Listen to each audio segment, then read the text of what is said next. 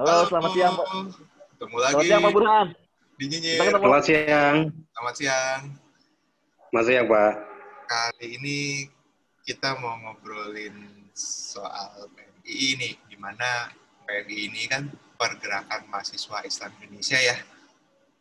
Hmm. Kita ngobrol, kita kita nggak sendirian nih. Kali ini ada narasumbernya, ada Pak Burhan Nudin Saputu. Halo Pak. Ya, halo. Jadi begini nih Pak, kita mau tanya-tanya.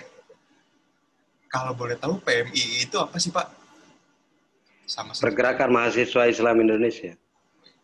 kalau sejarahnya kalau yang saya baca ternyata dimulai dari 1960 Pak ya. Ya, I see, I see. Terus anyone ada yang mau tanya-tanya? Silakan Bos Toto kalau mau bertanya. Ini Pak Burhan. ya. Eh, PMI ini terbentuk atas dasar apa ya, Pak? Iya. Jadi sejarah PMI itu lahir dari sebuah tekanan demokrasi. Ketika zaman Orde Lama di bawah pemerintahan Bung Karno. Saat itu situasi politik begitu pelik dan organisasi keislaman yang namanya Himpunan Mahasiswa Islam mendapat tekanan dari rezim Orde Lama. Karena itu Bung Karno ingin membubarkan HMI. Nah, ketika itu Menteri Agama dari Nahdlatul Ulama. Dan beliau membujuk Bung Karno agar tidak membubarkan organisasi kemahasiswaan yang disebut HMI. Karena itu dalam rangka mengantisipasi pembubaran organisasi kemahasiswaan yang berbau Islam, maka Nahdlatul Ulama mendirikan organisasi kemahasiswaan yang namanya Pergerakan Mahasiswa Islam Indonesia. Itu pada tanggal 17 April tahun 1960. Ketua umum pertamanya adalah Mahbub Junaidi. Nah, terkait dengan perjalanan sejarah pergerakan mahasiswa Islam Indonesia, ia sudah berumur hampir 60 tahun. Ketika zaman Orde Lama itu, yang dipimpin oleh ketua umumnya Zamroni, ketua umum periode kedua, Pergerakan Mahasiswa Islam Indonesia menginisiasi Kesatuan Aksi Mahasiswa Indonesia yang disingkat kami. Di situlah menjadi forum pergerakan dan perlawanan terhadap Orde Lama. Pasca tumbangnya Orde Lama, kemudian PMI mengambil jag- mengambil jarak dengan kekuasaan. Karena itu dia konsisten pada perjuangan nilai. Jadi nilai yang diperjuangkan oleh PMI itu adalah nilai, bukan kekuasaan, bukan benda. Kekuasaan itu adalah benda. Yang dia perjuangkan adalah nilai. Apa yang dimaksud nilai itu adalah soal keadilan, soal kesejahteraan. Itu nilai yang dia perjuangkan oleh PMI. Nah, ketika pasca Orde Lama, PMI juga terlibat di dalam pergolakan politik pergerakan. Ia turun di jalan juga untuk menjatuhkan pemerintahan Soeharto pada tahun 1998 ujungnya. Jadi Saya berlanjut terus ya Pak ya? berlanjut terus. Saya tahu persis ketika itu ketua umumnya adalah Muhaimin Iskandar. Dan kita saat itu ada di jalan. Benar-benar Soeharto tidak ada pilihan harus lenser dari kekuasaan. Nah, artinya ada dua ketua umum yang mendapat momentum dan zaman yang pas ketika itu adalah Pak Zamroni dan Muhaimin Iskandar. Zamroni, Caimin ya, Pak? Caimin. Zamroni dia mengomandoi kami, Kesatuan Aksi Mahasiswa Islam, Kesatuan Aksi Mahasiswa Indonesia. Muhaimin memperkuat kelompok Cipayung. Hmm. Kelompok Cipayung ini adalah terdiri di dalamnya ada PMI, ada GMNI, organisasi-organisasi kemahasiswa, kemahasiswaan yang berada di luar kekuasaan. Kelompok Cipayung itu adalah minus HMI. Karena HMI di zaman Orde Baru berada dalam kekuasaan.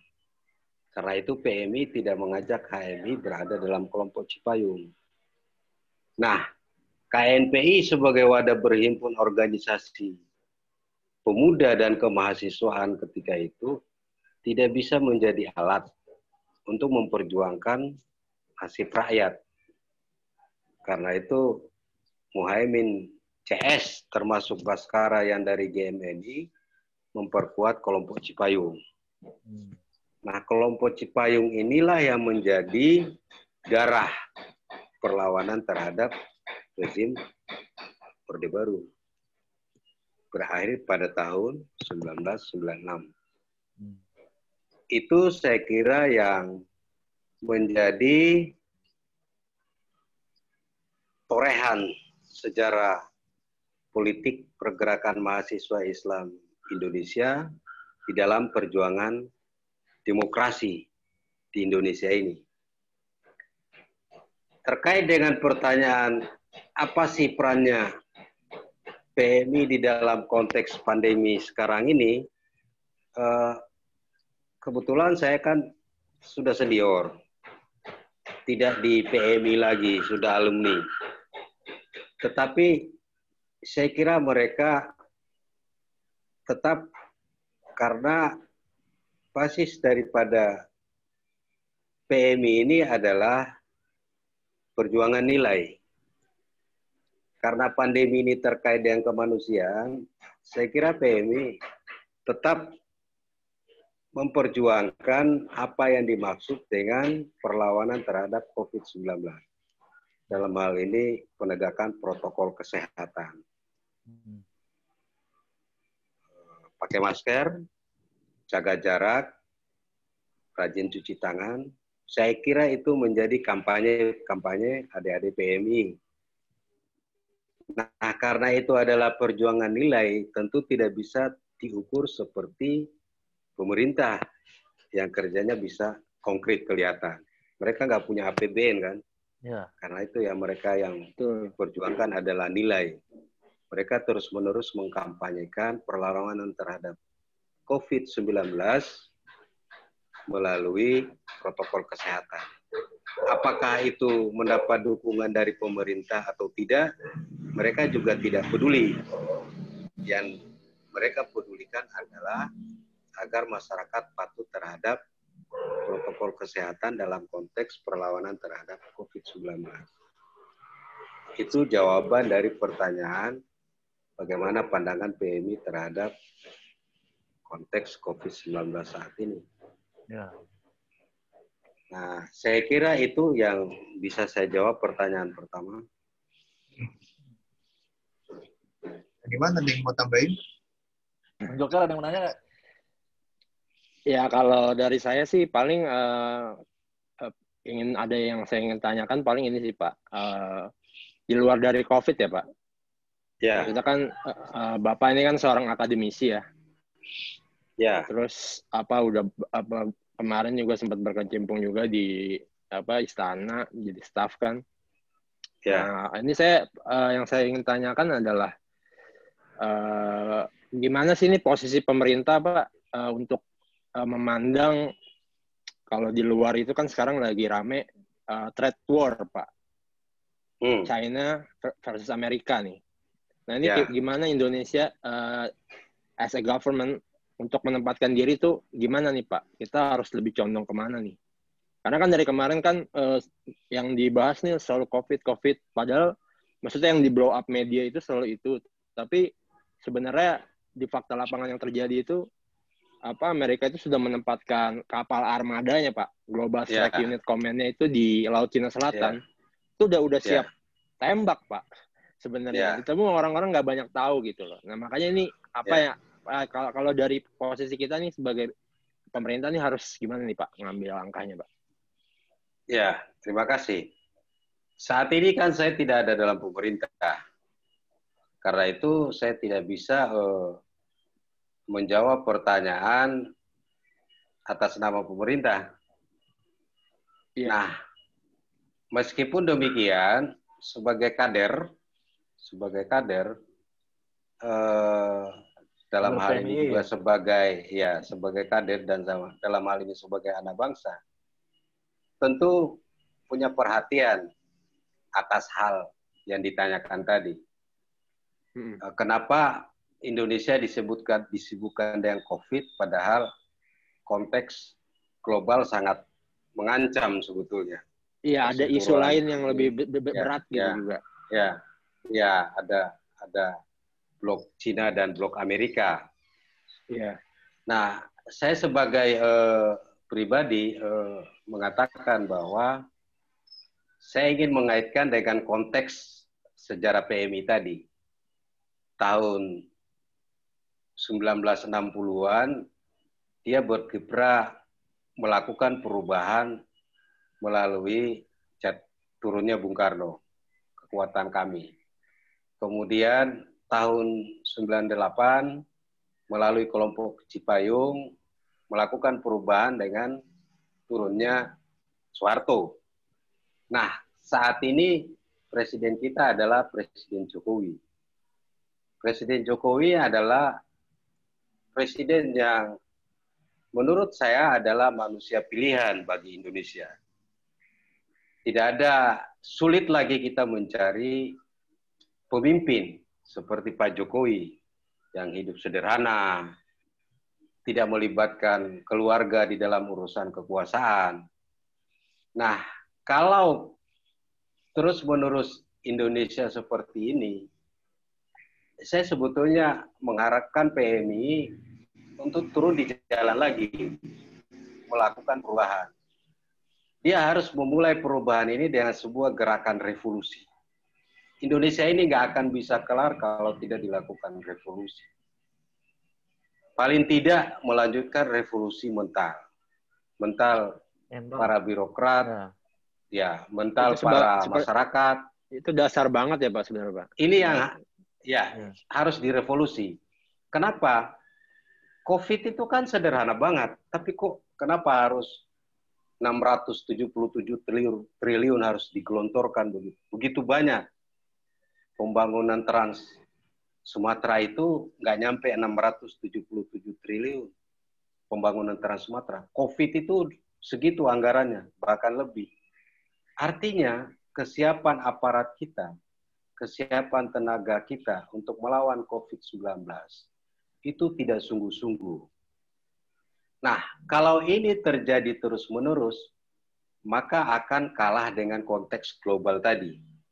Hmm. Jadi Hmm. faktor internal ini akan menentukan betapa kita tidak siap menghadapi perubahan global ketika pertempuran Amerika dan Cina misalnya. Kita akan Iya.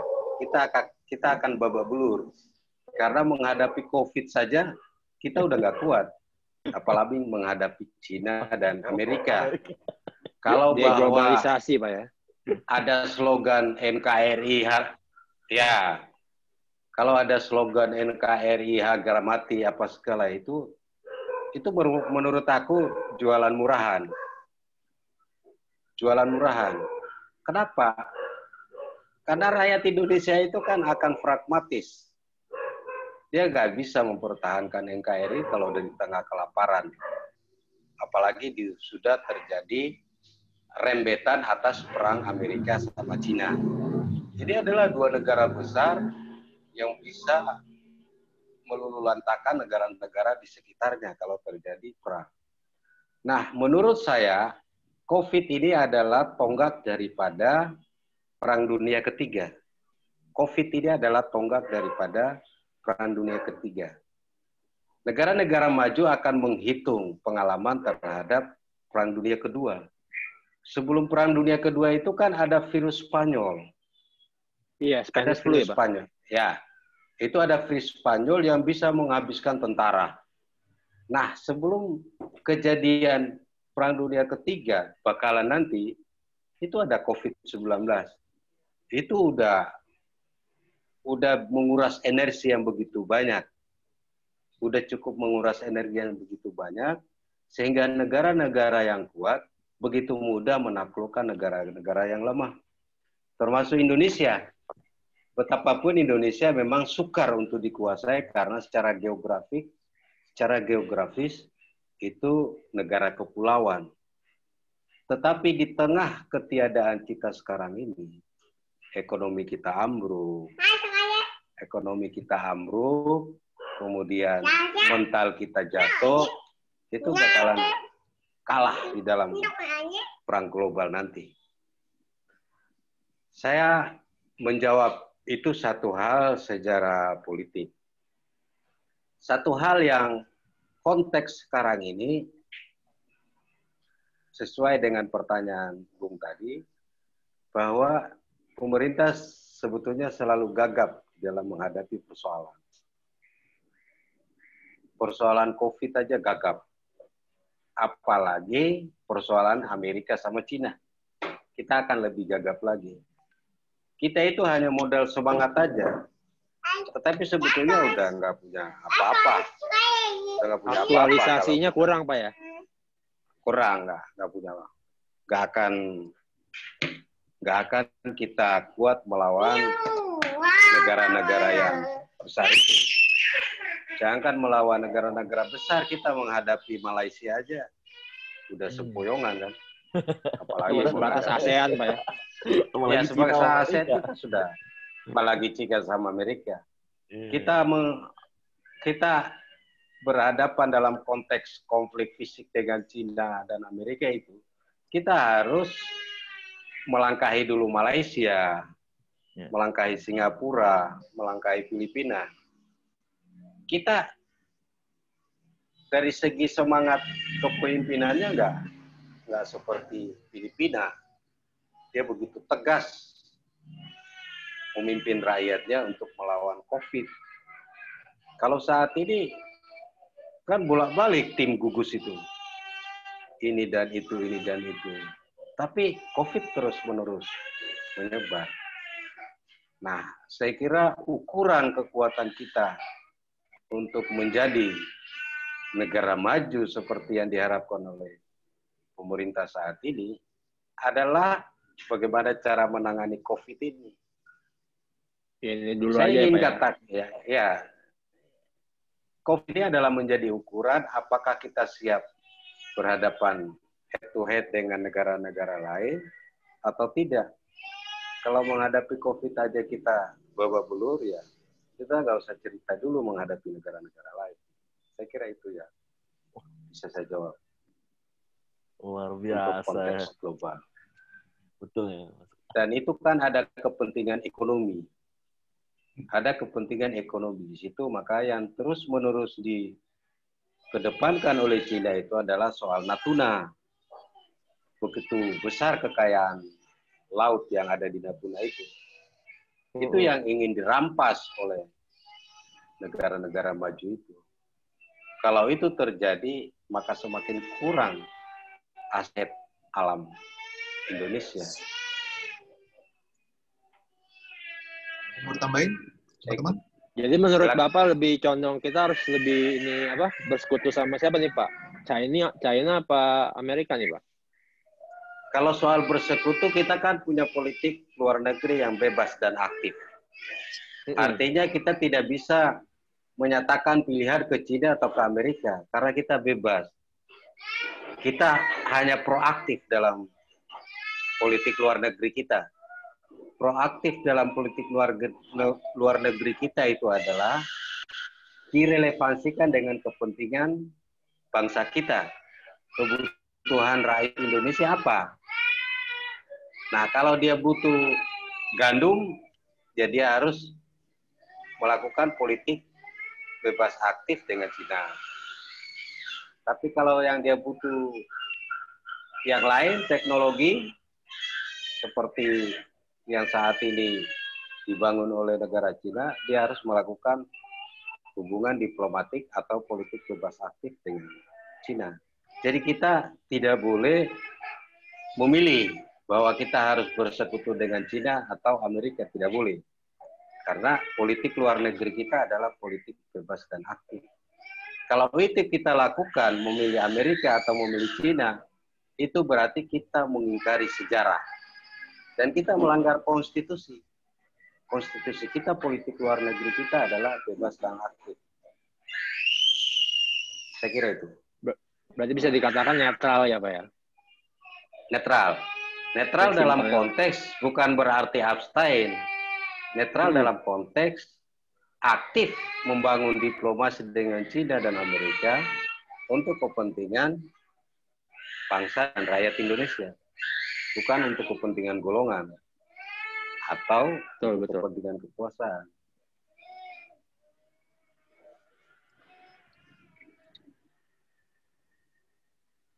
Oke. Pak Burhan. Mana Bos Toto? Ya. Pak Burhan. Ya. Ini saya balik uh, mau tanya PMI. Berarti ini PMI sekarang masih bergejolak ya, masih menjaga de merawat demokrasi kita ya Pak Burhan ya? Ya. Sampai sekarang ya Pak? Ya. Uh, terus kalau da, bag, uh, PMI ini memandang kondisi sekarang nih Pak ya, PMI mungkin uh, Pak Burhan kan sebagai senior ya sudah lama di hmm. juga juga udah lama dikencimpung di dunia politik juga ya Pak Burhan ya uh, di PMI ini uh, memandang kondisi politik, ekonomi, sosial, memandang itu bagaimana Pak? Memandang politik, ekonomi dan sosial sampai saat ini Pak? Memandang uh, Indonesia ya. ini. Kalau PMI ini kan organisasi kader yang berada di bawah naungan Nahdlatul Ulama. Ideologi PMI jelas adalah Pancasila tetapi nilai dasar pergerakannya adalah alusuna wal jamaah. Nah, ada ajaran di PMI tentang uhuwa insania, uhuwa basaria. Artinya menjaga hubungan sesama muslim, menjaga hubungan sesama manusia. Itu yang diajarkan di PMI. Dalam konteks pertanyaan bagaimana PMI memandang sosial ekonomi negeri ini, bagi PMI eh, ekonomi harus berada pada keberpihakan pada rakyat. Dia sebetulnya menolak ekonomi kapitalisme. PMI itu adalah ekonomi apa yang dikemukakan Bung Karno adalah ekonomi gotong royong, ekonomi kerakyatan dalam istilah-istilah sekarang ini. Nah, PMI melihat bahwa pembangunan ekonomi harus bisa menyentuh hayat hidup orang banyak. Hayat hidup rakyat dalam hal ini. Tidak menyentuh sekelompok orang. Hanya sekelompok orang saja. Nah saat ini ekonomi hanya dikuasai oleh hanya beberapa orang. Sementara rakyat kita ini adalah 270 juta. Tetapi mereka adalah kayak anak-anak ayam yang menunggu induknya saja karena ekonomi hanya ada di tangan beberapa orang. Nah, ekonomi itulah PMI saya harapkan tadi itu melakukan perubahan yang lebih mendasar lagi. Dalam hal ini revolusi.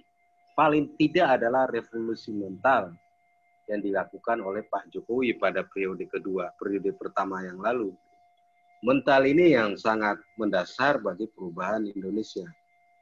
Kalau ekonomi terus-menerus dikekang, oleh hanya beberapa orang, maka Indonesia atau rakyat Indonesia masih akan tetap seperti sekarang ini.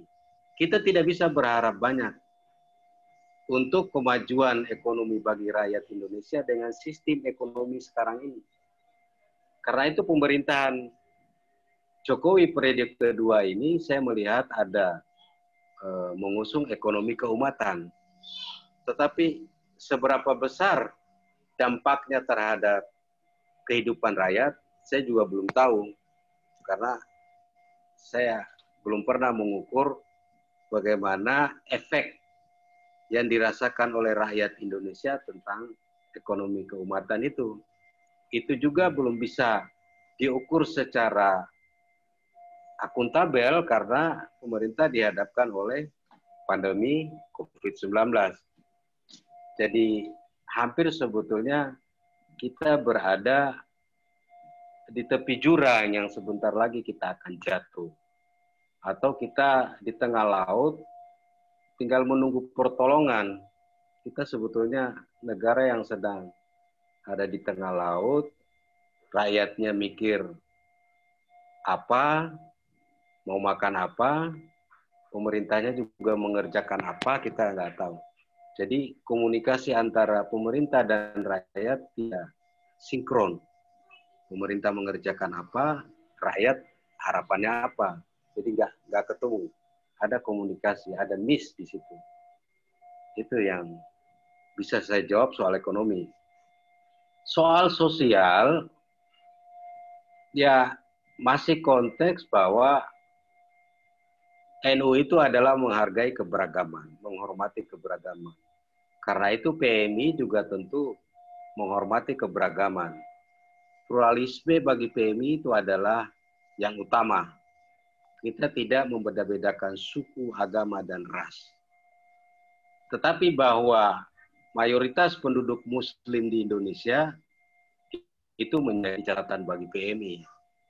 Karena tidak bisa juga uh, mayoritas muslim di Indonesia tetapi dikuasai ekonomi atau dikendalikan sosial oleh kelompok minoritas, itu akan Betul. terjadi tirani. Itu akan terjadi hmm. tirani minoritas namanya. Kalau terus-menerus keadaannya sekarang ini politik dikuasai oleh minoritas, ekonomi dikuasai oleh minoritas, suatu saat akan ada ledakan. Kenapa? Iya. Karena ada tirani minoritas. Tirani minoritas ini yang berbahaya bagi kelompok bagi rakyat Indonesia yang mayoritas Muslim. Mereka akan sampai pada kesadaran. Mereka akan sampai pada kesadaran untuk melakukan perubahan yang fundamental. Apa yang riak-riak kelompok-kelompok Muslim yang di luar sana itu bagian daripada ketidakberdayaan mereka terhadap kompetisi ekonomi maupun politik. Jangankan mereka mau masuk di dalam kompetisi ruang ekonomi dan politik, punya akses ekonomi dan politik aja udah udah nggak ada. Nah kalau itu terus menerus dipertahankan, maka akan mencapai pada titik apa yang dimaksud dengan uh, Durkheim, sosiolog dari Eropa sana, adalah fatalistik. Ada tingkat di mana frustrasi bagi rakyat karena tidak ada pilihan lagi. Dia mau kompetisi di ekonomi, dia nggak berdaya. Dia mau ngakses juga nggak berdaya. Nah, dia mau kompetisi di politik juga pendidikannya rendah. Dia nggak punya uang untuk maju di panggung-panggung politik. Mau nyalek nggak punya uang. Mau maju pilkada nggak punya uang. Semua nggak. Yang ada adalah hanya yang punya uang dan punya akses dan itu adalah sekelompok kecil. Sekelompok kecil menguasai orang-orang banyak. Ini menurut saya adalah berbahaya bagi keberlanjutan hidup bangsa dan negara kita. Nah, generasi muda sekarang ini, khususnya PMI, harus melakukan perubahan yang fundamental itu. Harus melakukan perubahan yang fundamental itu.